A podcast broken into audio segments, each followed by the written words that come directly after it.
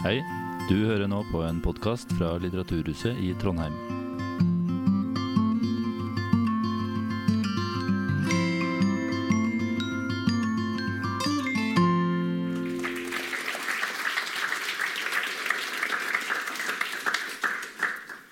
I dagens Norden er høyreekstremismen ikke bare reell, den er også blodig.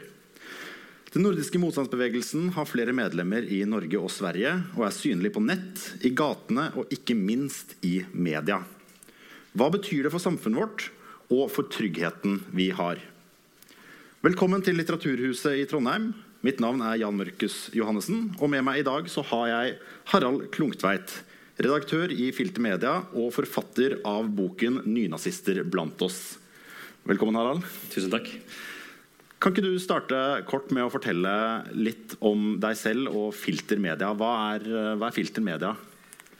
Um, Filter nyheter, som, som nyhetsredaksjon-delen av det heter, det er en, en, veldig liten redaksjon hvis man sammenligner med de store mediene.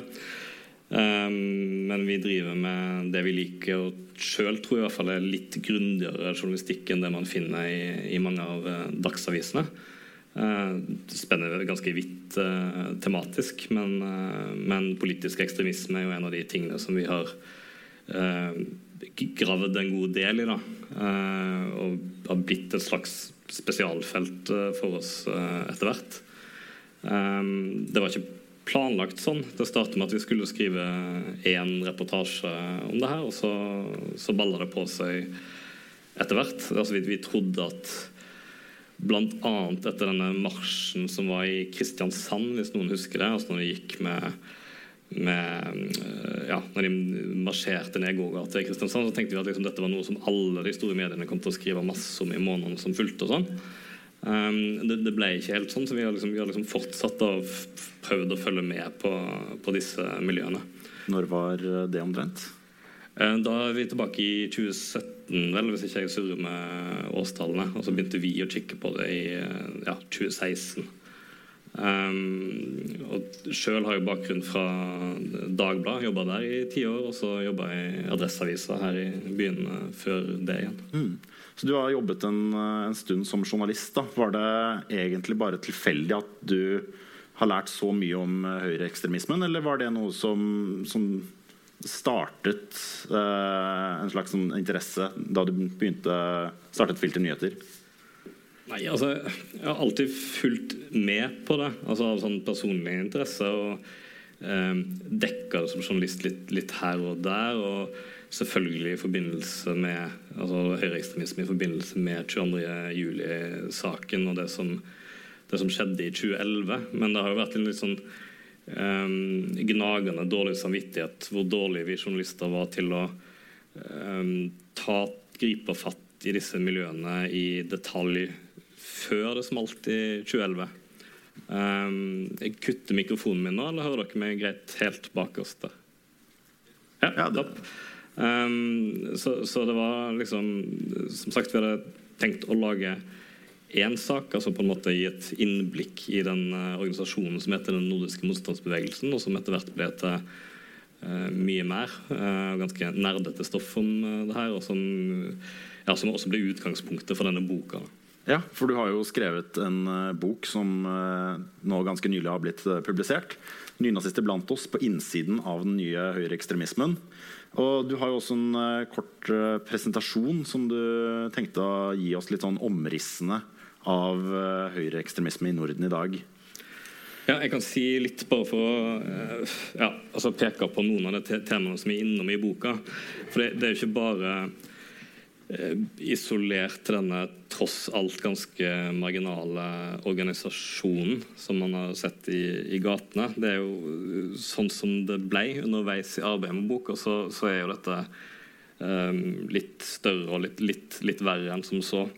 Uh, dette, dette brillene som uh, Philip Manshaus uh, hadde på seg da han gikk til angrep på Al-Noor-moskeen i Bærum i 10. Um, august i fjor. Um, som jeg syns er litt sånn litt, et, ja, en litt, treffende metafor også på, på hvordan han uh, så verden litt sånn enøyd etter hvert, uh, når, etter hvert som han ble um, radikalisert. Uh, det her er beslagsbildet fra etter han ble tatt. Han ble, brillene ble delvis ødelagt i det basketaket når han ble overmanna av de som han skulle drepe. Uh, jeg ble på et tidspunkt veldig opptatt av å få fram hva som faktisk skjer i samfunnet vårt. Uh, var en av de tingene som han sa i retten. og man skal ikke helt kimse av det, for det, det, er nok helt reelt at det er sånn han har sett det. At han liksom har Eh, satt seg ned for å finne ut av hvordan ting er, og hvordan mediene eh, lyver om ting. Og så har han gradvis blitt dratt inn i en del eh, propaganda rundt disse temaene. og Blitt stadig mer fenga av, av, elementer av det. Um, for, for, det som er ganske forskjellig i dag fra sånn som uh, både nynazisme spesielt og høyreekstremisme generelt var for si 20 år tilbake, i hvert fall på, på 90-tallet, sånn som man kjente liksom gatenynazismen da. og sånn, det at det er så utrolig mange innfallsporter, eh, særlig på nettet, til ulike former for høyreekstremisme og forskjellige måter å komme inn i det på. Altså Det kan være eh, alt fra bøker eller nettsteder med en sånn uh, vag holocaust-revisjon. Altså, det trenger ikke engang være fornektelse, men der man såkalt stiller spørsmålstegn med nøyaktig hvor mange jøder som ble drept. Um, det kan være altså, liksom, he hele spennet helt til liksom, nynazistnettsteder med hakekors og uomtvistelig altså, hva, hva, det dreier seg om. Uh, og i, og i miksen her så er det liksom ja, eh, både, både nettfora, eh, kanaler, ulike plattformer som, som, som, gir de som først har havna på en sånn søken, dessverre veldig mange knagger å henge det på, eller måter å komme inn i det på.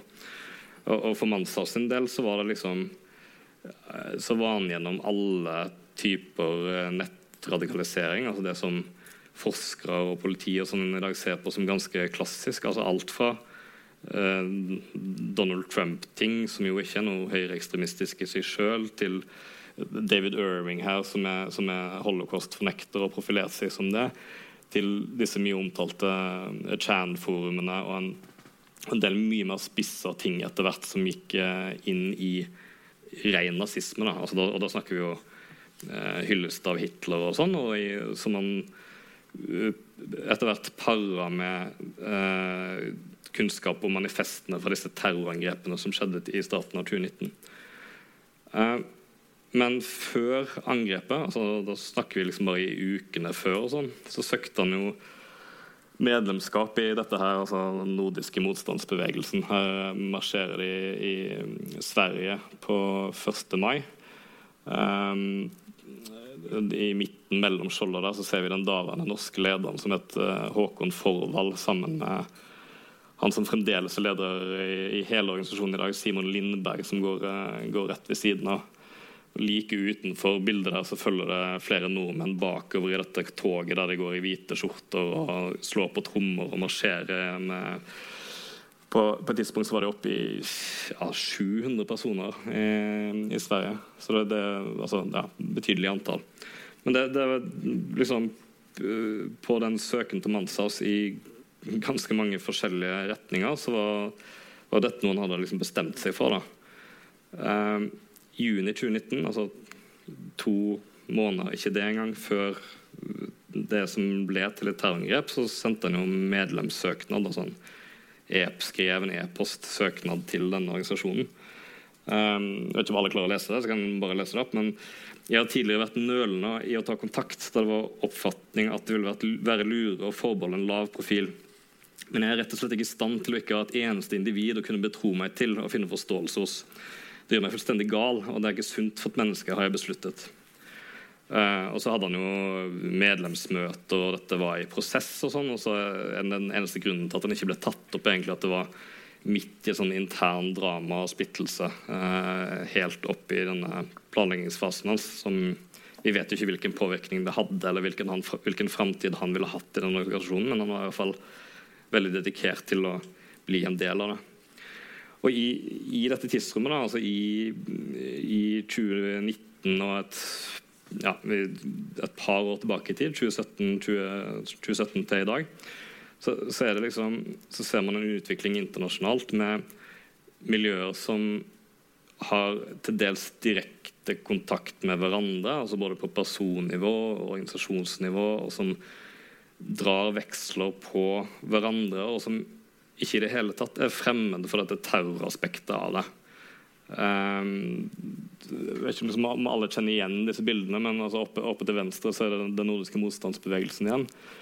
Eh, til høyre her så er det eh, nynazister i Charlottesville-demonstrasjonen i, i, 2017 i USA, som jo endte fatalt da en av de som deltok på demonstrasjonen, meide inn i en, uh, en folkemengde av motdemonstranter med bil, der en kvinnelig antirasist ble, ble drept og flere skadd noen, mange som sikkert husker de bildene der det fløy folk mens den bilen, uh, bilen kjørte inn i det. Nede til venstre er en av flere um, altså terrororienterte nynazistgrupper fra sånn helt i nyere tid. Atomvaffen heter den. Den oppsto av folk som fant hverandre i et, uh, i et dedikert fascistisk nettforum, der det også var en en god del nordmenn og skandinaver. og det som Den nordiske motstandsbevegelsen drev aktiv rekruttering og propaganda. og møttes på disse arenaene. Og, og, nede til høyre selvfølgelig Brenton Tarrant i, som utførte Christchurch-massakren i, i, begynnelsen av 2019, mars 2019. Uh, eh, der 51 mennesker ble drept da han uh, gikk inn i altså etter lang tids planlegging gikk inn i to ulike moskeer og, og skjøt så mange han klarte, inkludert en treåring. var vel det yngste barnet som ble, som ble drept. Han ble, fikk nettopp uh, livstid uten mulighet til, til permisjon, som den første i New Zealands historie. Men alt dette henger sammen, altså ikke i en sånn bare ideologisk forstand, men med berøringspunkter også i høyeste grad til Norge. da. Eh, I forbindelse med boka så snakka jeg med en del eh, folk som har eh, vært inne i den nordiske motstandsbevegelsen både i Sverige og Norge, men som enten har vært på vei ut eller kommet seg ut ganske nylig. Jeg synes det, ganske, det, var ganske opp, godt oppsummert av en av de norske som jeg snakka med, som sa at det er ikke de gamle, feite skinheadsene som er farlige. Altså, da tenker han på de tilbake til 90-tallet og de som nå er i 40-åra. og sånn. Men det har vokst opp en generasjon med en langt mer radikal tankegang. Um, og jeg, altså jeg, har møtt han som sier det her, og han, du vil jo aldri ha gjetta at han var verken nynazist eller uh, ja, altså, ja, Du vil ikke gjette det på utseendet i det hele tatt. Um, og um, det, det, du har et, et, helt nytt spekter av ekstremister som kanskje før var orientert rundt uh, hvit makt-konsertmiljøer og øldrikking og sånn som et mye mer sånn stereotypt preg. Um, bare for å dra det litt hjem hit, bokstavelig talt. Um, der er jo, som dere ser, rett borti gata i 2012, ble det vel. Uh, og det er vel altså, det, det, er på en måte første gang at den nordiske motstandsbevegelsen lansere eller relansere seg i Norge, da, var, var i Trondheim. Um, Håkon Forvald leder han, og noen få norske medlemmer, litt uklart hvor mange, uh, inviterte med seg disse, altså den svenske ledelsen og en del andre derfra for å liksom markere at nå var de nå var de kommet til Norge, og de skrøt på nettsidene sine av den største nasjonalsosialistiske markeringen på flere tiår osv. Uh, sikkert noen som husker det. det var jo, de gikk jo nedover her med fanene sine. Delte ut løpesedler, uh, lagde trøbbel på veien. Det ble noen pågripelser og basketak og, og sånt til slutt. Politiet visste ikke helt hvordan de skulle håndtere det, men, men endte vel med å pågripe en god del av disse nynazistene før, før, de slapp løs igjen. Og så hadde de et møte på kvelden i et lokale i nærheten. Um, uh, ja, han, kroppen her også er jo fra lo lokalt her, altså ikke fra Trondheim, men litt utafor. Ganske nylig bilde som han la ut i, i sosiale medier. Um, klistremerke ja, Er ikke det nedi, nedi her, da? Dronningens gate eller noe sånt? Uh, Bor vi da? Mm. Um, og, og, det er jo litt poenget at liksom uh, altså Mesteparten av det disse organiserte holder på med, er jo bare tull. Altså det, det klistremerker og skogsturer og eh, lesesirkler og eh, De er ikke så innmari mange titalls aktive til enhver tid. Kanskje bare en drøyt hundre de siste åra som har vært innom organisasjonen. Men, men det, liksom, det, jeg forsøker å tegne opp i boka, er, er hvordan, altså hvor kort veien er fra klistremerket i et busskur i Trondheim til, uh, til ikke bare terrorangrepene, men disse store internasjonale nettverkene som vi ser av høyreekstremister som, som deler en veldig veldig hard ideologi, og som er veldig dedikert. Det er ikke noe, uh, altså er ikke noe de bare later som eller er ute til å provosere. eller noe sånt. Mange av de er ideologisk dedikerte, lest, har lest masse om dette her og tror på, tror på saken, rett og slett. Så det kan vi snakke litt mer om. Mm. Tusen takk. Uh, du nevnte jo dette her med at uh, en utbryter av den nordiske motstandsbevegelsen sa at den uh, nye generasjonen er mer radikal og langt mer farlig. Hva er det som er, er forskjellen på, på 90-talls uh, nynazistene og de som er nå? Jeg, jeg, tror den største forskjellen er hvor, hvor raskt radikaliseringen kan gå. da uten at noen helt rekker å få det med seg. Og det, det er jo på en måte altså Politiets sikkerhetstjeneste i Norge for eksempel, er jo helt åpne om at dette er jo ikke noe man er i stand til å fange opp alltid i den forstand. Fordi sånn som vi så i, i Manshaus-saken, da, så han var jo høyre-radikal. Altså litt kinkige distinksjoner her, men altså, han, han var jo ikke opptatt av vold eller terror. Han var opptatt av uh, altså først en del sånn kristenkonservative verdier, og så kanskje et større element av fremmedfiendtlighet. Og så kom dette den holocaust-fornektelsen inn fra sidelinja via masse YouTube-videoer som man satt og så på dag og natt. Og så, eh, og så kulminerer dette liksom først når han med en ekstern hendelse, dette Christchurch-angrepet, der han liksom han ser angrepsvideoen og han er til stede på disse foraene der den type innhold blir delt. Og så, øh, og så baller det på seg bare i løpet av noen måneder. egentlig, altså Det er i løpet av 2019 at hele den, den voldsfremmende delen av radikaliseringen hans skjer. Uh, og for andre så kan det jo gå bare dager fra de begynner å uh, interessere seg for noe av dette, altså blir, blir hekta på en del sånne narrativer om at Eh, medier og politikere og samfunnet lyver om innvandring. Altså en sånn helt vanlig forestilling ute blant van altså, uh, tusenvis av innvandringsmotstandere uh, i Norge. Uh, til at man algoritmene på YouTube eksempel, kan lede deg inn i et univers av altså innvandrerfiendtlige ting og fornektelse av at holocaust i det hele tatt skjedde, til hyllest av Hitler plutselig. og så, uh, ja, så, så, så, dras man inn i det.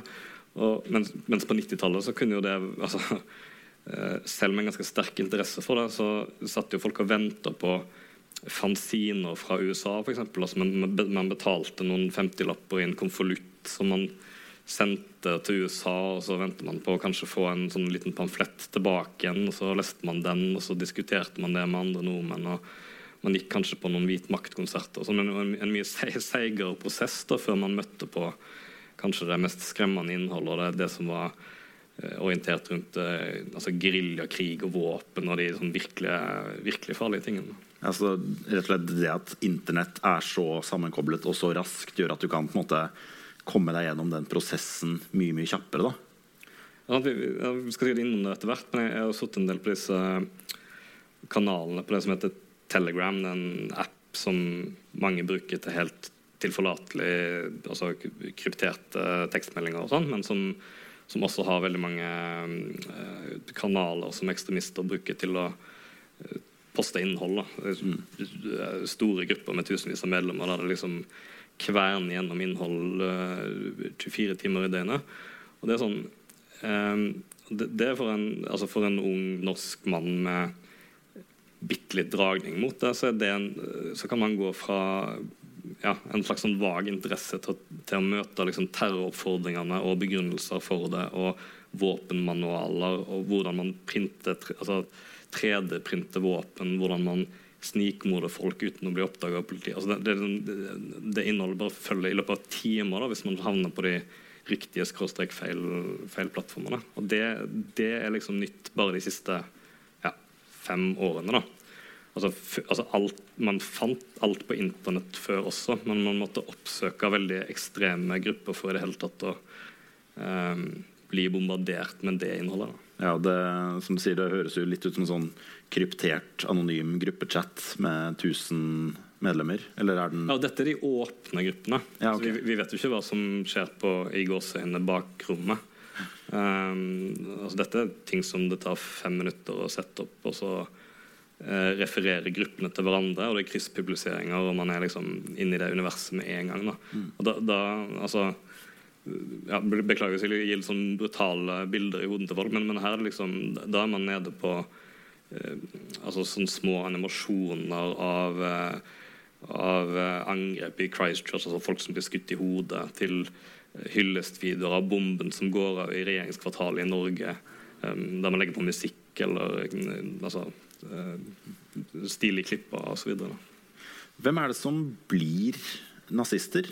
Du skriver jo litt om dette i boka. Det er jo mange, det er mange personhistorier som mm. går gjennom litt sånn kronologisk hvordan de, har, hvordan de, ble med, hvordan de havnet der. Men er det noe fellestrekk ved de, spesielt da i Norge eller Norden, som uh, blir så høyreradikale? Eller så høyreekstreme?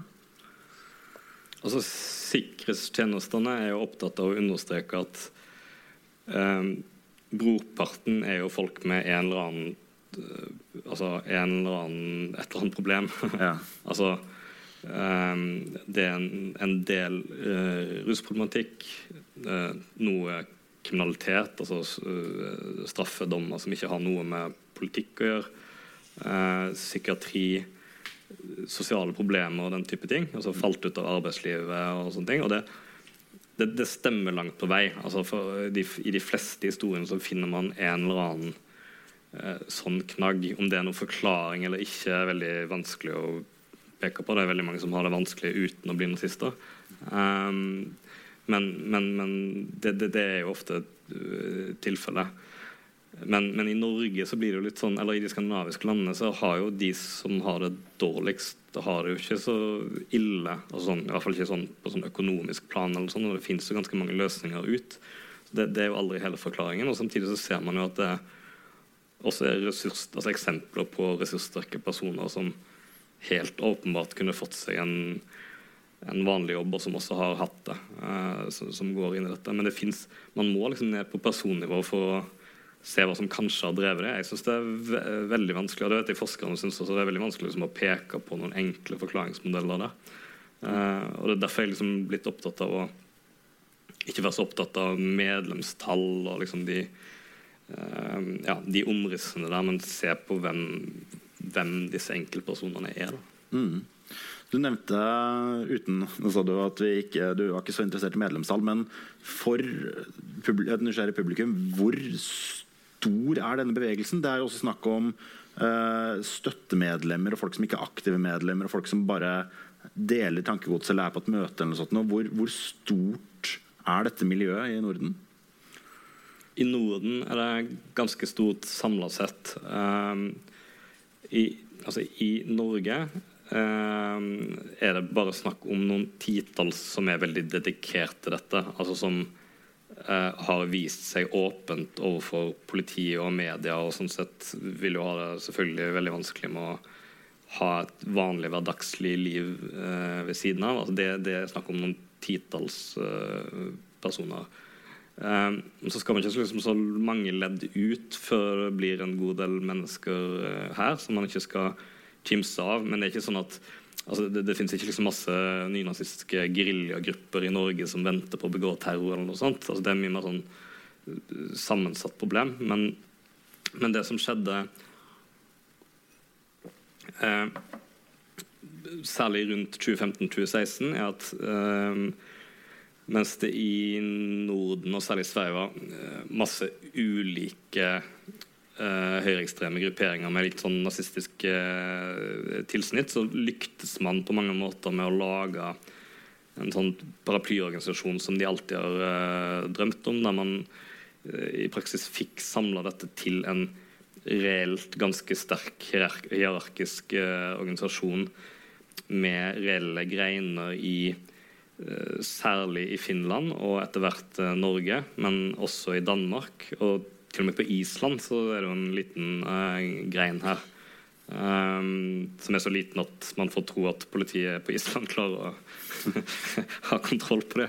Um, men, men, men det er liksom uh, og det, var liksom fake it till you make it-greier. Uh, altså man, man, snakker om reder, som de kaller det. Altså disse avdelingene rundt, geografisk rundt omkring i landet. Man snakker om det i Norge før de fantes. altså noen reder har aldri eksistert. altså det er ingen medlemmer der. F.eks. i eh, altså Nordland. For eksempel, aldri hørt om noen medlemmer eh, akkurat der. Men, men liksom andre steder så bygde man det faktisk opp da, til at det var små grupper, men likevel helt reelle grupper som samles i ulike sammenhenger og liksom jazzer hverandre opp. Da, og, og, det er jo en intern radikalisering der også. Det er annet en en, en, gruppe i Rogaland er liksom, som er ja, det, det, er farlige folk, liksom. Og de, de har til dels blitt sånn at de uh, har funnet det fellesskapet og reiser over til Sverige og er med på demonstrasjoner der. og liksom uh, finne en sånn internasjonal greie til det. da, Både, både fysisk og på nett. Det er jo uh, Altså, du nevner jo dette med at de er farlige. Er nordmenn sånn stort sett i din opplevelse litt naive når det kommer til synet på høyreekstrem og høyreekstremisme? Er det en litt sånn skuldertrekk og tafatt holdning til det hele? Mm, ja, det, det syns jeg det kan være imellom de store hendelsene. Altså det er sånn Folk flest og offentligheten er liksom veldig opptatt av det eh, etter 22. juli, etter Manshaus. Uh, hvis man har hatt veldig store kontroversielle demonstrasjoner og den type ting, men så er det liksom litt for hvilepuls kanskje på det imellom. Uh, og det, er jo litt av det jeg har lært meg å jobbe ganske mye med det. at Det, det, altså det er jo ikke stille, selv om det virker sånn. Altså det, er ikke, det har ikke plutselig slutta å være høyreekstremister i Norge. Uh, kanskje tvert imot. Kanskje de har funnet nye måter å organisere seg på, eller nye måter å finne nettverk på, ja, altså på internett. da. Um, og det, det, det, går man liksom glipp av hvis man ikke prøver å følge med på det hele veien. Og så ser man at det gir seg sånn helt ekstreme utslag, som terrorangrep. Det er jo én ting. Men, men, det er jo en mer sånn vedvarende trussel mot minoritetsgrupper bare gjennom tilstedeværelse. Altså man, altså nå aner ikke jeg hvordan det er å være innvandrer på eh, Lillehammer eller i Alta, men liksom jeg, jeg kan jo føle litt på hvordan det er liksom, hvis asylmottaket er klistra ned med, med, med, klistremerker fra den organisasjonen, f.eks. Altså, det er jo en bagatell som knapt når mediene, men, men det, det, gir en sånn, en, ja, det gir en sånn vedvarende trussel. Og jeg beskriver litt i boka hvordan i, i Sverige, i, altså i Ludvika i Dalarna, som de jo forsøkte å gjøre til et form for hovedkvarter, eh, så, så gikk det jo så langt eh, at at dette er jo noe folk som bor der, møter i det daglige. Altså eh, lærere og rektorer går med voldsalarm fordi de har ut, uttalt seg kritisk til, til rekrutteringen. Eh, lokalpolitikere ser seg over skuldra bokstavelig talt når de drar hjem til småbruket i mørket på kvelden fordi de, liksom, de har sett mistenkelige biler utenfor. og det liksom, De dukker opp på folkemøter og de dukker opp i gågata på lørdager. og de de driver valgkamp når det er valg. altså Dekker seg under det parlamentariske og står med altså, store stands og deler ut løpesedler med mikrofon og, og er liksom eh, ja, invadere, invadere lokalsamfunnet, da, som er jo eh, må jo ha vært en utrolig skremmende opplevelse for, eh, ja, for de som bodde der. Mm. Den nordiske motstandsbevegelsen snakker jo mye om hvordan alt er korrupt, og staten og løgnpresse, for å bruke et gammelt sånn nazistisk begrep. Er du, du som er del av norsk mediebilde, hva er ditt syn på hvordan norske medier håndterer høyreekstremisme. Du nevnte jo at folk visste ikke helt hvordan de skulle forholde seg til dette her etter etter 22.07. Og har ting blitt bedre da etter eh, ditt syn? Det varierer veldig. altså det er Kolleger i andre medier som gjør helt fantastisk arbeid med dette. med altså, veldig gode og store reportasjer fra både Norge og, og Europa. Men, men, det blir veldig ofte fragmentarisk, og særlig ute i lokalmediene litt kunnskapsløst. altså eh, Av helt sånn forståelige grunner. altså Eh, mediene er ganske, eh, er ganske mange redaksjoner er ganske kutta sånn i bemanning. og det, det er veldig få som har kapasitet til å sitte og følge med på disse tingene uten å produsere journalistikk om det hver dag. Da blir redaktøren sinna og sånn. Um, men, men det, er, det, er, ofte um, Det blir ofte sånn småsak om at det er et hakekors heist opp i en flaggstang her, eller at noen har hengt opp nazistiske klistremerker. Og, sånn, og Det er jo den type oppmerksomhet som de ønsker med å gjøre disse tingene. da. Og så har man ikke gjort noen kartlegging av om det faktisk er noe miljø lokalt, eksempel, eller om det bare er en på gjennomreise som har satt opp et klistremerke for å lage den støyen. så den, ja, Man må trenge dypere ned. da, og Det kan være litt sånn frustrerende når man uh, ser at de av og til nesten spiller um, ja, altså gjør det som var ønska fra organisasjonens side eller fra, fra høyreekstremistenes side. Uh, mm. Ja. Nei, for uh, det, er jo, det er jo mange sånne aksjoner, og du skriver jo mye i boka di om hvordan de ønsker å få mediepublisitet eller få navnet sitt ut der. Har mediene et ansvar med å på en måte ikke gi dem den oppmerksomheten de vil ha? Og hvordan, hvordan står det opp mot måte, informasjonsplikten overfor eh, publikum og folket? Nei, altså, vi har jo den diskusjonen rundt stopp islamiseringen av Norge som pågår nå i forbindelse med de demonstrasjonene som har vært. og De, altså, de er ikke høyreekstreme, bare så det er sagt. Altså, de, de, fremmer ikke vold direkte, og det er ikke noe um, organisatorisk tilknytning til disse her. eller noe sånt, Men, men det er litt samme diskusjonen. altså ganske få folk med et litt større nedslagsfelt på, eh, på nettet som mener helt uh, uhyrlige ting. Altså, hva, hva, skal man gjøre med det som journalist? Kjempevanskelig diskusjon. Men veldig ofte handler det om å gjøre grundig arbeid istedenfor å bare gjengi de, det de sier. Så må man se på hva de gjør, hva de har sagt før, og de, ikke minst hva de legger ut på sosiale medier, og sånt, som ofte gir et helt annet bilde enn det de hvordan de liker å framstille seg sjøl. Um, det, jeg ser jo at liksom, norske medier strever med helt sånn uh, For meg ganske sånn grunnleggende forskjeller på uh, altså radikalisme og ekstremisme. og uh, Muslimfiendtlighet blir noen ganger kalt altså islamkritikk. altså En del sånne helt basic ting da, som vi er nødt til å få rydde opp i hvis vi skal ha, kunne ha ordentlige diskusjoner om dette. Hvis ikke så blir det veldig sånn at de at alvoret blir tona ned. Da, man bruker eufemismer om ting som er, ja, som er uh, menneskefiendtlig. For Du skriver jo mye i boka di om hvordan da også lokalmedier, som kanskje ikke har så mye tid eller ressurser til å gå dypt før uh, de skriver en sak, uh, at de, de, ikke nevner at den personen som presenterer et argument eller har fremmet en debatt, eller sånt noe, har dype tilknytninger til nynazismen eller har voldsdommer eller har eh, politisaker gående ved sin person. Er det, burde det være noen retningslinjer når det kommer til sånne ting? Er det noe, er det noe samfunnet kan gjøre? Nei, altså, Jeg kommer jo fra journalistsida, der, der handler det om å bare være eh, flinkere til å drive kartlegging altså før det er for sent, altså før det smeller. Altså Prøve å forstå hvor både hva de mener og hvorfor de mener, mener det før det skjer en eller annen kjempestor hendelse. Um, og det, det, er jo noe av det vi prøver å gjøre i, i filternyheter. Det er, ikke, det, er ikke, noe lett for oss heller, for det er liksom ganske mye uh, si, ja, ganske mye tid brukt bare på å sette seg inn i ting uten at det nødvendigvis blir store reportasjer eller veldig vellykka oppslag av det. Eller, eller, den type ting. Men uh, ja, nei, samfunnsmessig så er det, tror jeg, det er vanskelig å gi noe godt svar. For du, du, hører ofte det argumentet om at uh, troll sprekker i lys osv. Hvor mye tro har du på at liksom, en, en, god debatt kan, uh, kan blåse vekk eh, grumset og eksponere det for, for, det det er? Altså, jeg, jeg, tror man skal eksponere det, men aldri på de sine premisser.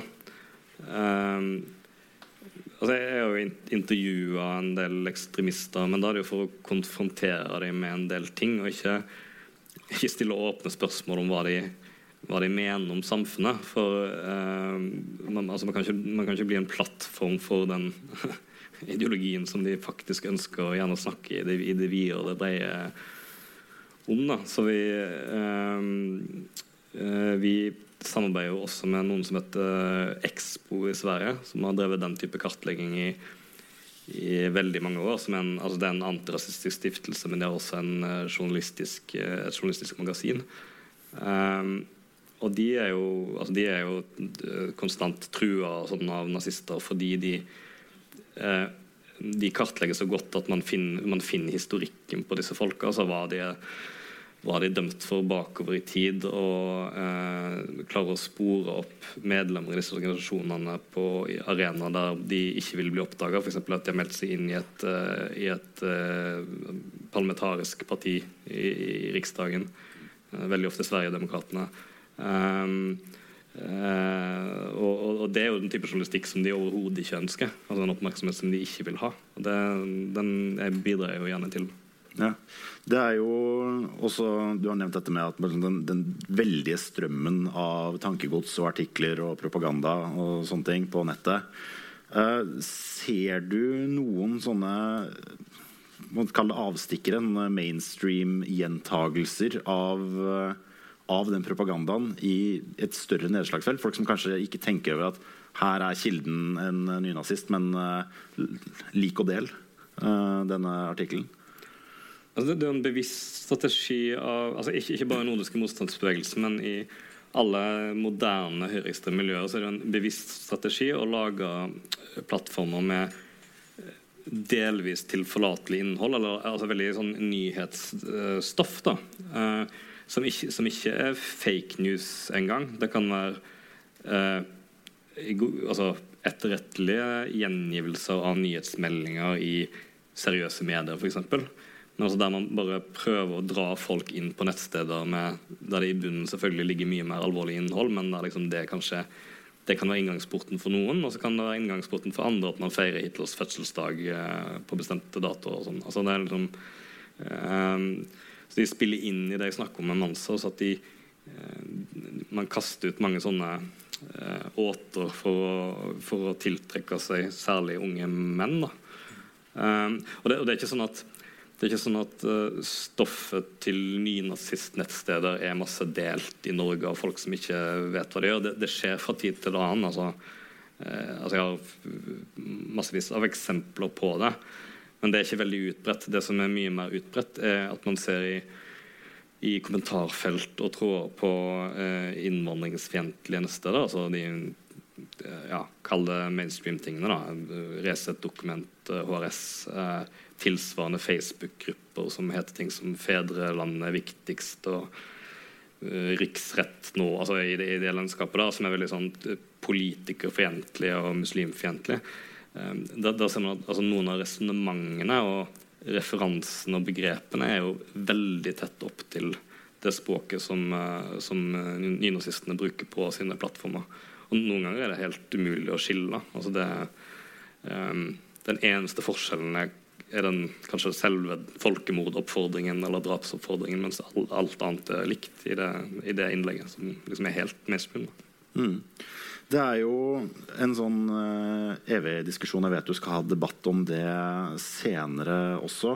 At hvordan skal vi som uh, privatpersoner Man kan jo snakke om ansvaret til samfunnet, og politi og mediehus og sånne ting. men hva skal vi som privatpersoner gjøre for å prøve å bekjempe eller dempe eller fjerne dette her? Da? Er det hvis du møter på en motdemonstrasjon og skriker og viser fingeren til eh, nynazister, gjør du da det de ønsker, eller har det noen effekt? Vil dette her kanskje hjelpe fra å avskrekke andre fra å rekruttere seg til en sånn bevegelse? Jeg har ikke noe godt svar på det. Jeg lurer ofte på det sjøl. Eh, jeg tror ingen vet svaret på det heller. Noen Uh, mener at når det kommer til uh, altså Det kommer helt an på hvilken gruppe man spør om også. Uh, altså Når den nordiske motstandsbevegelsen går ut i gatene, så snakker vi om altså helt utilslørt nazisme. Ja. Der jeg mener at de f.eks. aldri burde, burde gått med, fått lov til å gå med skjold og lanser, sånn som de har gjort i, i, i Sverige. Eh, som delvis blir brukt som våpen mot politiet. Det er helt vanvittig å se på. Altså, de lager skjoldborg, og så står de og stikker med lansen. Sånn. Eh, på demonstrasjoner som jeg har vært på. Eh, men hvordan altså, folk flest burde gå ut og demonstrere mot det, det syns jeg ja, det, Jeg vet at søren. Altså, jeg vet bare at liksom kunnskapen er lav, og vi som er journalister burde bidra til at den er høyere i bunnen når de, eh, når de kommer. Da. For dette vil jo skje om, om igjen og om igjen. Altså, akkurat nå så har det vært så mye splittelse og sånn i akkurat denne organisasjonen til at eh, de har, ikke, de har ikke klart å mønstre noe særlig offentlig opptreden det siste halvåret i det hele tatt. Altså det er danna en ny gruppe med et annet navn, er, der det er både svensker og nordmenn som er medlemmer. og sånn. Og det vil bølge litt frem og tilbake. ikke sant? Uh, splittelser. og Kanskje finner de sammen igjen i en ny eh, organisasjon, eller det kommer en ny plattform, et nytt parti. Eh, altså vi, vi blir ikke kvitt dette. altså På et eller annet nivå så vil, vil dette boble opp til overflaten i ulike sammenhenger hele tida. Og det vil gripe inn i mainstream eh, politikk og ha berøringspunkter inn mot eh, nasjonalistiske partier og høyrepopulistiske partier. og sånn, Så det, det er liksom eh, man, ja, det er veldig viktig at man har kunnskapen i bunnen og, og klarer å si fra i klartekst om hva som er hva når det kommer. da. Ja.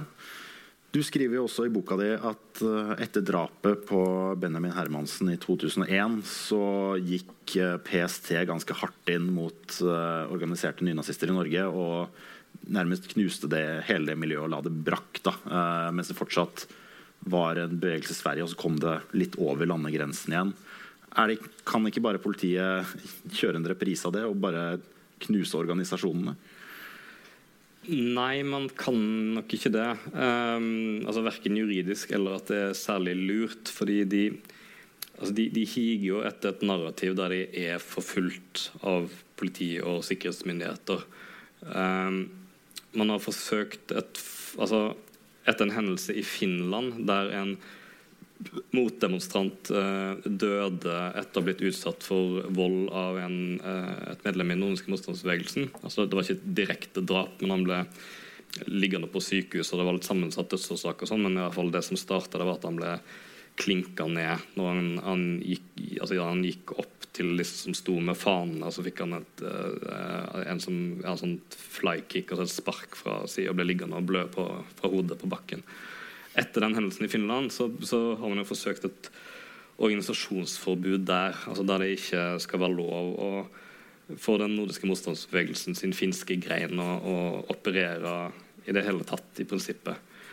Men, men de tar det jo som en selskapslek, der man, man eh, lager et nytt navn på det. Eh, de har demonstrert sammen med Soldiers og Odin, som ikke er forbudt, men liksom har blitt med på i bakgrunnen med Skifta litt farge på fanene. altså ikke Brukte helt grønne faner istedenfor logoen. Um, eh, minst to andre organisasjonsnavn de opererer under, men som alle vet at det er de. Eh, skal man da liksom drive og prøve å få nye rettsvedtak mot den, mot den nye organisasjonen? Altså, jeg, altså jeg, er ikke, jeg er ikke sikker på at det har gjort Finland tryggere i det hele tatt. Um, Uh, en del antirasister ønsker at man skal liksom gå den veien i mot i, i Norge og Sverige også. Uh, men, men det, er ikke liksom, det er ikke gitt at det fungerer.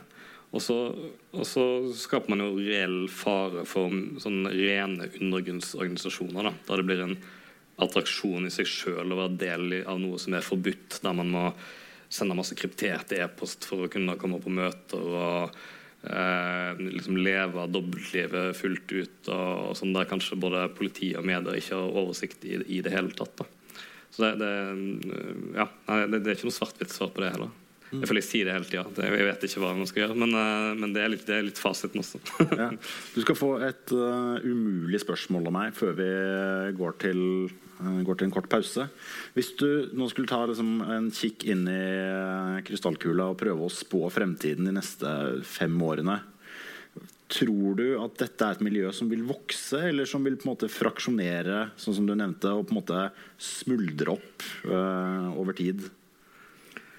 Altså, for å ta det i stort, da altså Jeg prøver å beskrive i boka at altså hvor internasjonale de høyreekstreme nettverkene er nå. Altså ikke bare at de er på de samme foraene, men, men, at de har direkte kontakt også. Um, så, så er det er ikke noe som blir bedre med det første. Altså, når man følger utviklingen i Tyskland, f.eks., så, så er, det, er, det, masse urovekkende nyheter bare fra de siste månedene. Altså det, man har slått til mot uh, nynazister i militæret, i politiet, altså folk som har vært organisert uh, inn i denne typen miljøer.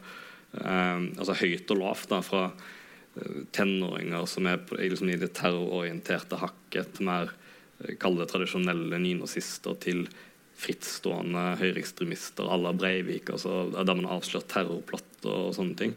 Og, og, og, det er litt sånn problemet at um, det er så mangefasettert, da, og det er, så, det er, så, høyt antall personer som deler eh, tankegodset langt på vei. Altså, det har PST også snakka om offentlig, at man, man ser i, disse, i noen av nettforumene at det, det er jo Ehm, det, er jo såpass mange skandinaver også at det ville vært umulig, selv om man ønska å eh, overvåke de for å se om de eh, finner på noe skummelt en eller annen dag. Altså man må Um, ja, altså det, det, det, er så mange som deler tankegodset, og det er litt nytt. at liksom, Det er så mange som er i farlig retorikk knytta til borgerkrig, geriljakrig, terror og sånn i forhold til hva det var før. Det, det, det tror jeg vi skal slite med på ulike måter i mange år framover.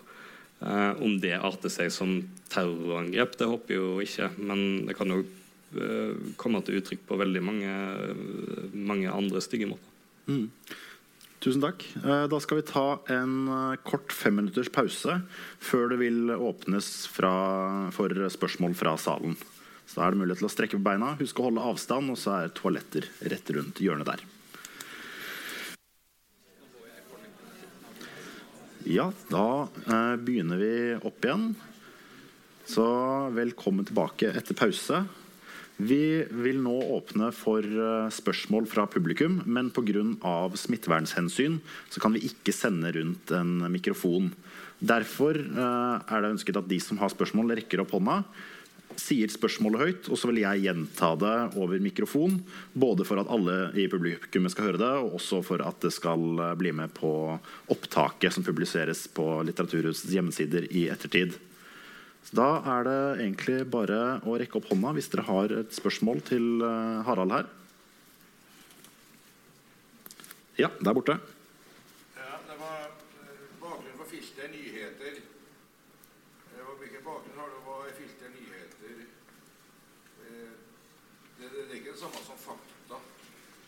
Eh, faktisk? Nei. Nei. Det er det ikke. Uh, jeg, jeg, jeg, sånn, ja, ja, spørsmålet var da hva er filter nyheter, og på en måte bakgrunnen for det, hvilken tilknytning det har? Jeg, sa litt om det helt innledningsvis. Um, jeg har bakgrunn fra Dagbladet som nyhetsjournalist der i ti år, og fra Dressa før det. Um, Filternyheter ble starta av tidligere Dagbladet-journalister for å drive med ja, undersøkende journalistikk og mer grundig, sånn magasinaktig eh, journalistikk enn det vi har holdt på med før. Da. Eh, ja, Det er kortversjonen. Vi har ikke noe politisk uh, tilknytning til noen organisasjon eller noe sånt. Vi er uavhengige. Kjapt oppførselsspørsmål? Har du så godt i gang da? Når kommer bøker om islamister blant oss og venstreekstreme blant oss? Det siste er jo ikke en reell trussel i dag. Nei, det fins jo ganske mange gode bøker om jihadister, så jeg er liksom opptatt av det som ikke er dekka så godt. da. Jeg kunne også godt jobba med det, men jeg har ikke høy nok kunnskap om det til å skrive en, en, bok om det. Men jeg har jo en del journalistkolleger som har skrevet veldig gode bøker om det. Erlend Ofte Arntzen i VG, blant annet uh, 'Fremmedkrigerne'-boka hans uh, anbefales veldig, veldig bra. 'Fremmedkrigerne', så vidt jeg husker. Flere spørsmål fra salen? Ja. Ja, jeg så innledningsvis i powerpointen din at det var noen sånne referanser til incel-bevegelse og men going the wrong way-bevegelser. Og når det kommer til dette med, med den, hva, om det er noen fellesnevnere her? Er det mye ensomhet? familie? Det, har noen av disse du har vært borti familie? Så spørsmålet slik jeg forstår det er at du så i presentasjonen eh, mye, mye mem, memes, som det heter på engelsk, eh, fra internettkultur og incel-bevegelsen, altså folk som er eh, selvbeskrevet i ufrivillig solibat og sånn. Eh, er det en fellesnevner for mange av disse som blir eh, med i nynorskbevegelsen, at de har eh, dårlige relasjoner til andre mennesker, lite familie, sånne ting? Ja og nei. Altså det, det, det, er såpass sammensatt at jeg har ikke funnet noen sånn uh, tydelig trend inn mot f.eks. incel-kulturen. Uh, veldig sjelden referert til blant organiserte nynazister. Altså I hvert fall ikke noe de flagger. Så hvis de liksom er til stede på de forumene og er en del av den kulturen, så er ikke det noe som er kult å nevne inn blant andre organiserte. i hvert fall. Familiemessig så har du alt fra litt eldre ekstremister med kone og flere barn. Eh, eh, alenemødre med både altså relativt små voksne barn til ja, eh, single, selvfølgelig. Men altså man, man- man har alle fasetter der. Men det er ikke tvil om at det også finnes eksempler på folk med eh, helt raserte familieforhold med, der det har blitt begått eh, overgrep, og man har eh, brutt med sine biologiske foreldre eller vært i fosterhjem. Den type altså, virkelige skjebner. Da. Det, det fins definitivt eh, også. Um, men jeg, altså, jeg er ikke noen ekspert på incel-bevegelsen, men jeg har liksom vært kan jo litt om det og sett etter det i de profilene som jeg har, har, har laget på de som jeg vet av, og det, det er ikke noe sånn konsistent uh, der. Det, det er det ikke. Flere spørsmål? Da har vi et spørsmål eh, lengst bak der. Du får snakke høyt. Hei, eh, jeg lurer på sånn nazismen fra sånn 30- og 40-tallet var sånn personkultbasert. Eh, og Du snakka tidligere om at nynazistiske miljøer i dag også er veldig hierarkiske. Men har du de store personlighetene i dagens nynazistiske miljø? Så spørsmålet er eh, i sammenligning med nazismen på 30- og 40-tallet, som var veldig sånn personkultorientert, ser du noe av den samme eh, kulten, personkultene i dagens også ganske hierarkiske nynazistmiljø? Altså, de, de, prøver definitivt å gjenskape det med, med sånne føreraktige profiler. Um, særlig karismatiske er de jo ikke. Altså eh, men, men de har jo lederskikkelser som er relativt sett flinke til å tale, og som åpenbart har en, en sånn eh, politikerside av seg som, som evner å organisere og knytte bånd på tvers av landsdeler, og som det er kult å møte og sånn. Og jeg har jo liksom med noen norske mm, medlemmer som jo har sett på det som veldig stort å få komme på et lukka arrangement i Sverige og få liksom eh, den pinnen som de får når de har vært med et år, eller hva det er for noe. Um, um, så, så, liksom, så, et element av det har man definitivt, og de, de søker seg mot det. Og så er jo en annen side av dette er jo kulten rundt gjerningsmenn fra altså massemord eller andre forbrytelser, da, som står sterkt i forumene, som jo også de organiserte er en del av. altså der Breivik er en gjennomgående kultfigur som nevnes nesten ja, om ikke daglig, så i hvert fall ukentlig i veldig, veldig, veldig mange sammenhenger. Som ikke er liksom en del av den offisielle kanoen til de organiserte nazistene, men som er til stede hele tida som en sånn helteskikkelse. Da. I likhet med alle andre som har utført terror så lenger tilbake i tid enn det. da. Timothy, Timothy McVeigh i USA og den type ting. For Du skriver jo også en del om folk som har blitt dømt for kriminelle handlinger, og på en måte uten å få en offisiell sånn eh, godkjenningsstempel uh, ut offentlig, så får de veldig mye heder og kommer inn i varmen i disse miljøene. Ja, man, man kommer med noen sånne skinnfordømmelser utad som man må gjøre av sånn rent juridiske årsaker for å ikke oppfordre til terror. Men så blir de tatt, definitivt tatt inn, eller man signaliserer veldig sterkt at de er definitivt velkommen. og hvis de er så ekstreme at de ikke kan være en del av arrangementene offisielt sett, så er de liksom til stede i randsonen som sånne ja, sjuende far i huset eller en slags sånn idol, uh, idolgreie. da. Men jeg, jeg, vil, jeg, vil, ikke påstå at de har lykkes så godt med sånn de førerforsøkene de har uh, prøvd på. De er, ikke, de er, litt for lite karismatiske, de lederskikkelsene. Mm. Spørsmål?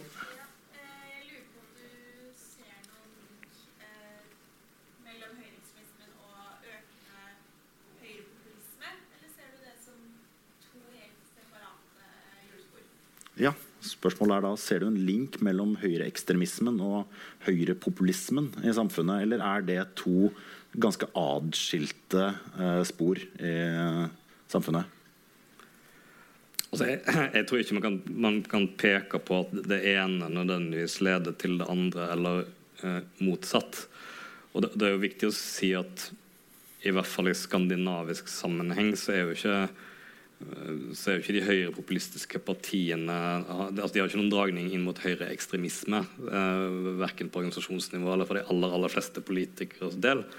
Men så ser man jo stadig vekk at det er jo de som parlamentarisk ligger nærmest eh, høyreekstremistene. Så, så, det er jo stadig berøringspunkter på personnivå. altså Enten ved at liksom folk med fortid derfra havner inn i de politiske partiene, på godt eller vondt. Det kan jo være de har blitt mindre radikale rett og slett, og bare er litt motstandere av innvandrere og sånn. Eller det kan være et bevisst forsøk på å endre den politiske organisasjonen. Eller motsatt at enkeltpolitikere der eh, var så radikale i utgangspunktet at de ikke har noe imot å eh, ha dialog med, med voldsfremmende enkeltpersoner, f.eks.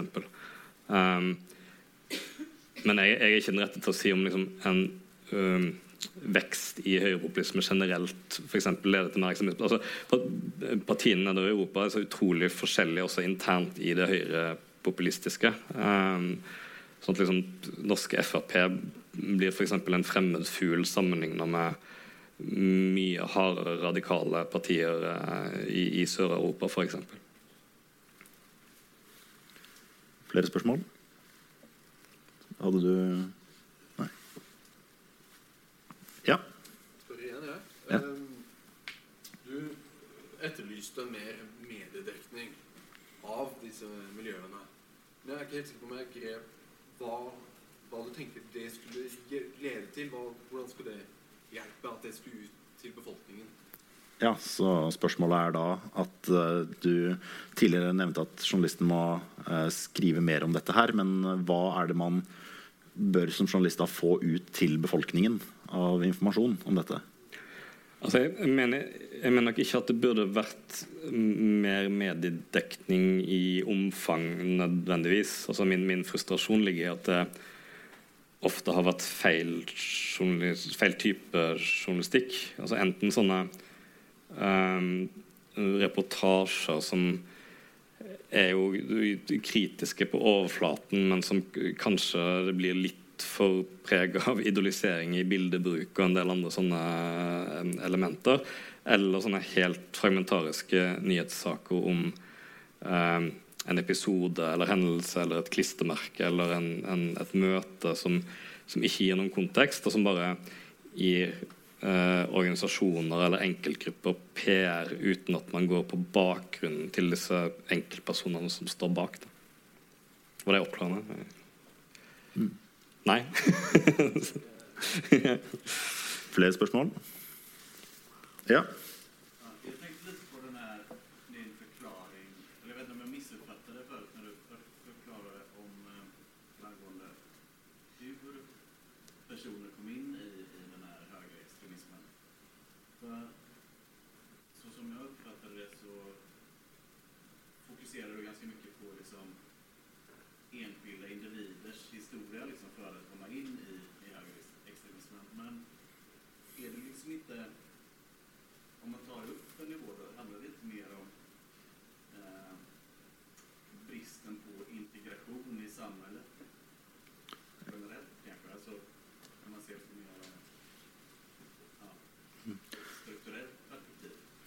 Ja, så spørsmålet er eh, at du tidligere nevnte om disse personhistoriene og hvordan eh, folk blir med.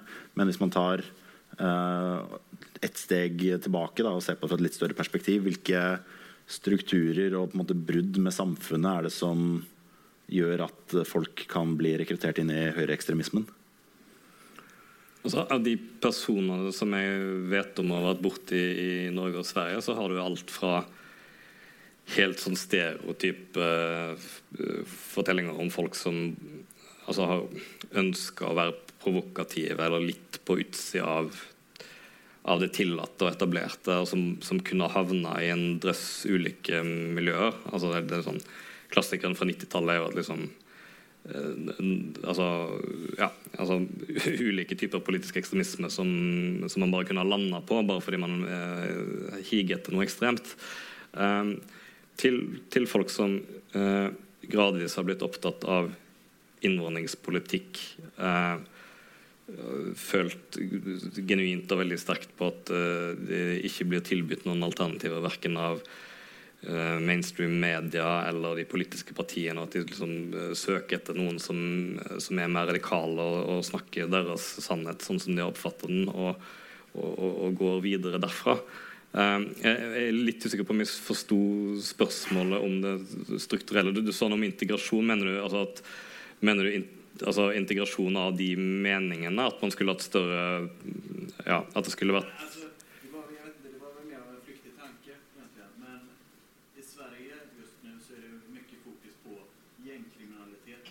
Mm. I de stora, eller större städerna. Och, och där är det ju ett sånt här perspektiv där man har, man beskriver ofta bristen på integration, alltså det är ett sånt parallellsamhälle, det är, det är liksom, den där gängkriminaliteten skapas liksom på skuggsidan av samhället, där de inte liksom har kopplingar till resten av det svenska samhället helt enkelt. Då tänker man att det kanske är något liknande liksom när det är eh, säga, samma sociala funktioner, att det är bristen på integration som gör att man finner ett fellesskap mm. Ja, sant, Om det er noen av de samme mekanismene i utenforskap og parallellsamfunn knytta til altså, kriminelle innvandrergjenger osv. som man ser også hos de politiske ekstremistene, eller altså høyreekstremister. Eh, ja, altså eh, men, men, om de er altså de, I hvert fall så vil de nok sjøl delvis framstille det sånn. altså at de er, at de er skjøvet dit av samfunnsstrukturer som de ikke sjøl uh, eh, har noen skyld i. altså Både sosioøkonomisk og politisk, og at det, det, er mange ting som har ledet fram til dette. her og sånn, Men jeg, men jeg, jeg tror uh, Det er sikkert fordi jeg er journalist og ikke forsker eller altså sosialantropolog, men, men, men jeg er liksom mer opptatt av at at, de, at de radikaliseringshistoriene er så forskjellige da, at jeg, jeg, har ikke lyst til å lage noen sånn sekk som forklarer alt sammen. For det, den, jeg tror ikke den fins. Hmm. Flere spørsmål?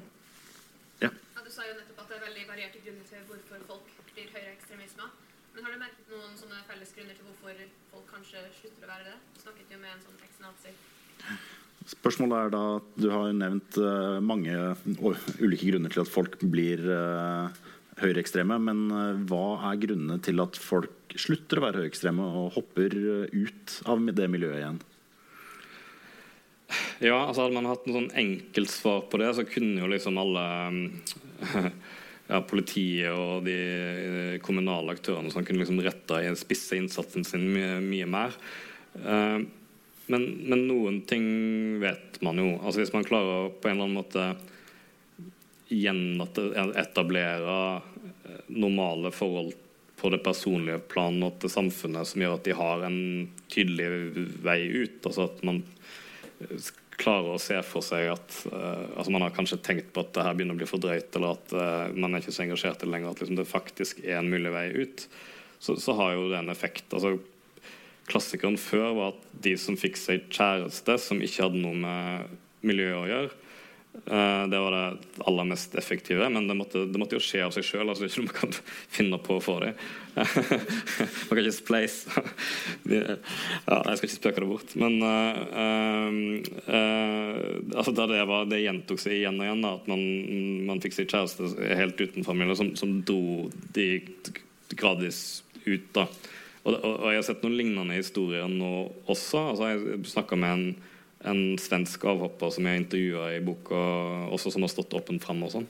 Um, uh, som jo også fikk seg kjæreste. Altså Hva som var høna og egget der, om han i sitt hode egentlig allerede var på vei ut da eller ikke, jeg vet ikke. Men han fikk altså nye personrelasjoner som bidro veldig sterkt til at han uh, kom seg ut. da. Men, men, han sa også til meg at altså det var ikke som om altså det, det, var folk som grep fatt i han på skolen. altså Alt fra rektor til lærer og uh, sosionomer som liksom uh, prøvde å forklare han hvor galt dette var, og at nå må du komme deg ut. og sånn. Han sa at det hadde ingen effekt. Han måtte liksom uh, Prosessen var liksom i måtte han lage sjøl. Og det, de tiltakene mener han ikke hadde noen særlig effekt. Så det, det, er, altså det er det aller, kanskje det aller vanskeligste. I, I, Norge så har du både folk som bare faller fra, altså beholder tankesett og det aller meste av meningene, men gir opp litt den organiserte biten. altså Enten at det bare krever for mye tid og krefter, eller at man har blitt eksponert av media eller antirasister eh, eller politiet, altså straffesaker på en måte som gjør at han mister siste, eller er i ferd med å miste det aller siste resten av nettverket sitt. For det er, jo, altså det, det er faktisk ganske mange som har um, en omgangskrets utenfor dette her. Kanskje stadig mindre etter hvert som årene går og man ikke gidder de diskusjonene og sånn. Men, men, som liksom ja, har den type potensialet for motstand og ja, folk som kan bidra til å få det ut. Da har vi spørsmål, tid til to spørsmål til, og da har vi spørsmål fra deg. Ja.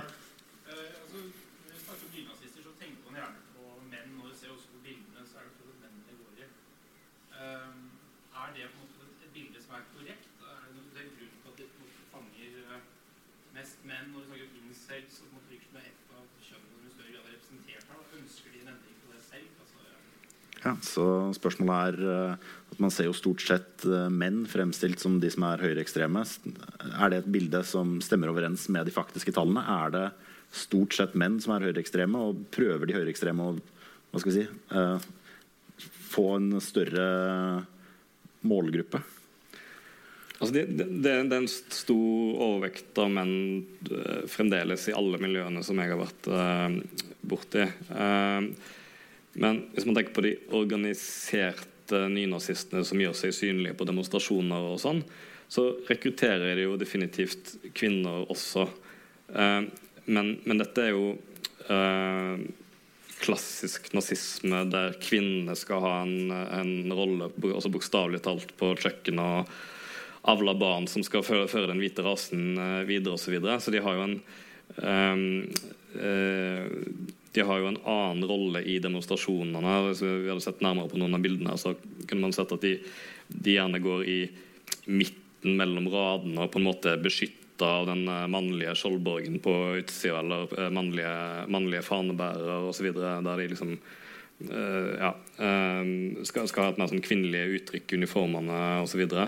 Um, og i organisasjonen så er det også gjerne sånn mer sånn koneemner og kjæresterolle og eh, organisatorer av det ikke-voldelige. og kanskje ikke, altså Det er ikke noen sånn ideologiske ledestjerner. Noen, noen, dyttes fram både i de internmediene og i, eh, på talerstolen for å liksom markere at de er der og rekrutterer nye og sånn, men, men, det er en, en, litt sånn annen dynamikk.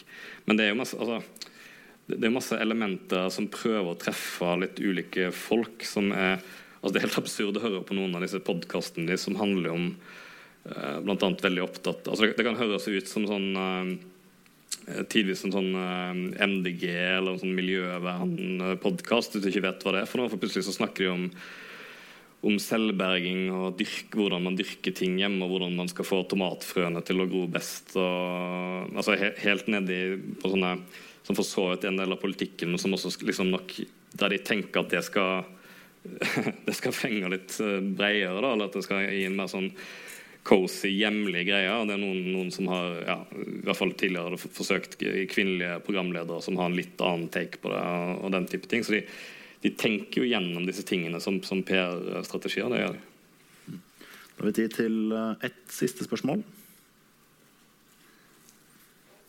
Ja. Ja, det er helt sikkert at jeg kan ta det. Ja hvis ingen eh, Ja. Ok, Det er litt oppfølger til det jeg stad. Eh, Og det med mediedekning. Fordi du sa i presentasjonen eh, at du ikke likte hvordan noen ganger det blir eh, gjort om til en plattform hvor de kan fremlegge sin ideologi. Eh, stemmer det? Jeg husker det riktig da. Eh, og da er mitt spørsmål hvordan skal vi vite hva deres ideologi er, vi i befolkningen, hvis de ikke får fremlegge den mer? Hvordan vet vi kritiserer? Ja, så spørsmålet er hvordan, hvis eh, ikke eh, nynazistene får en plattform å legge fram sitt tankegods på, hvordan kan vi da eh, den hva skal vi si, den ikke-høyreekstreme folkemassen vite hva ideologien er, og vite hva det er de mener, og måtte prøve å unngå det? Altså, jeg, er ikke noen motstander av å intervjue de, eksempel. Altså, jeg har gjort det ved noen anledninger sjøl. Jeg intervjua den norske lederen og eh, noen enkeltmedlemmer både altså, som har stått frem med navn og ikke. og sånn. Um, men, men da får du jo bare at man, man har kunnskap nok til å stille de riktige kritiske spørsmålene. Eh, og journalistikk handler jo om eh, å, å redigere det ned til noe som er sant, og ikke noe som en, en framstilling de gir sjøl. Altså fordi eh, er det noe de er mer savvy på enn for 20 år siden, så er det jo å tilpasse budskapet sitt eh, til ulike plattformer. Altså jeg er helt sikker på at eh, noen av lederne i den nordiske motstandsbevegelsen, eller ikke minst, som vi har sett i USA, altså eh, såkalte alt-right-bevegelsen, der flere av de var bonafide nazister. Altså de, de, kan fint gå i et radiostudio eller et TV-program og framstå som en, en, litt kontroversiell politiker, altså som tråkker bitte litt over grensen av og til, eh, kanskje. Men sånn på kveldstid kan sitte og skrive blogginnlegg som er eh, mørkeste folkemordretorikken man kan eh, tenke seg. Da er, liksom, eh, er, det jo ekstremt viktig at vi journalister ikke bidrar til å gi plattformer der de eh, får pynta på budskapet sitt på en måte som kan være attraktive innfallsporter for, eh, for veldig mange flere enn det, det som eh, ja, f.eks. et nazistisk budskap faktisk burde fenge. Mm. Jeg tenker Det er også et uh, godt punkt å avslutte med. Tusen takk til deg, Harald Klungtveit. Uh, vi skal nå åpne for uh, boksignering, men først tenkte jeg at vi bare skulle gi deg en varm applaus.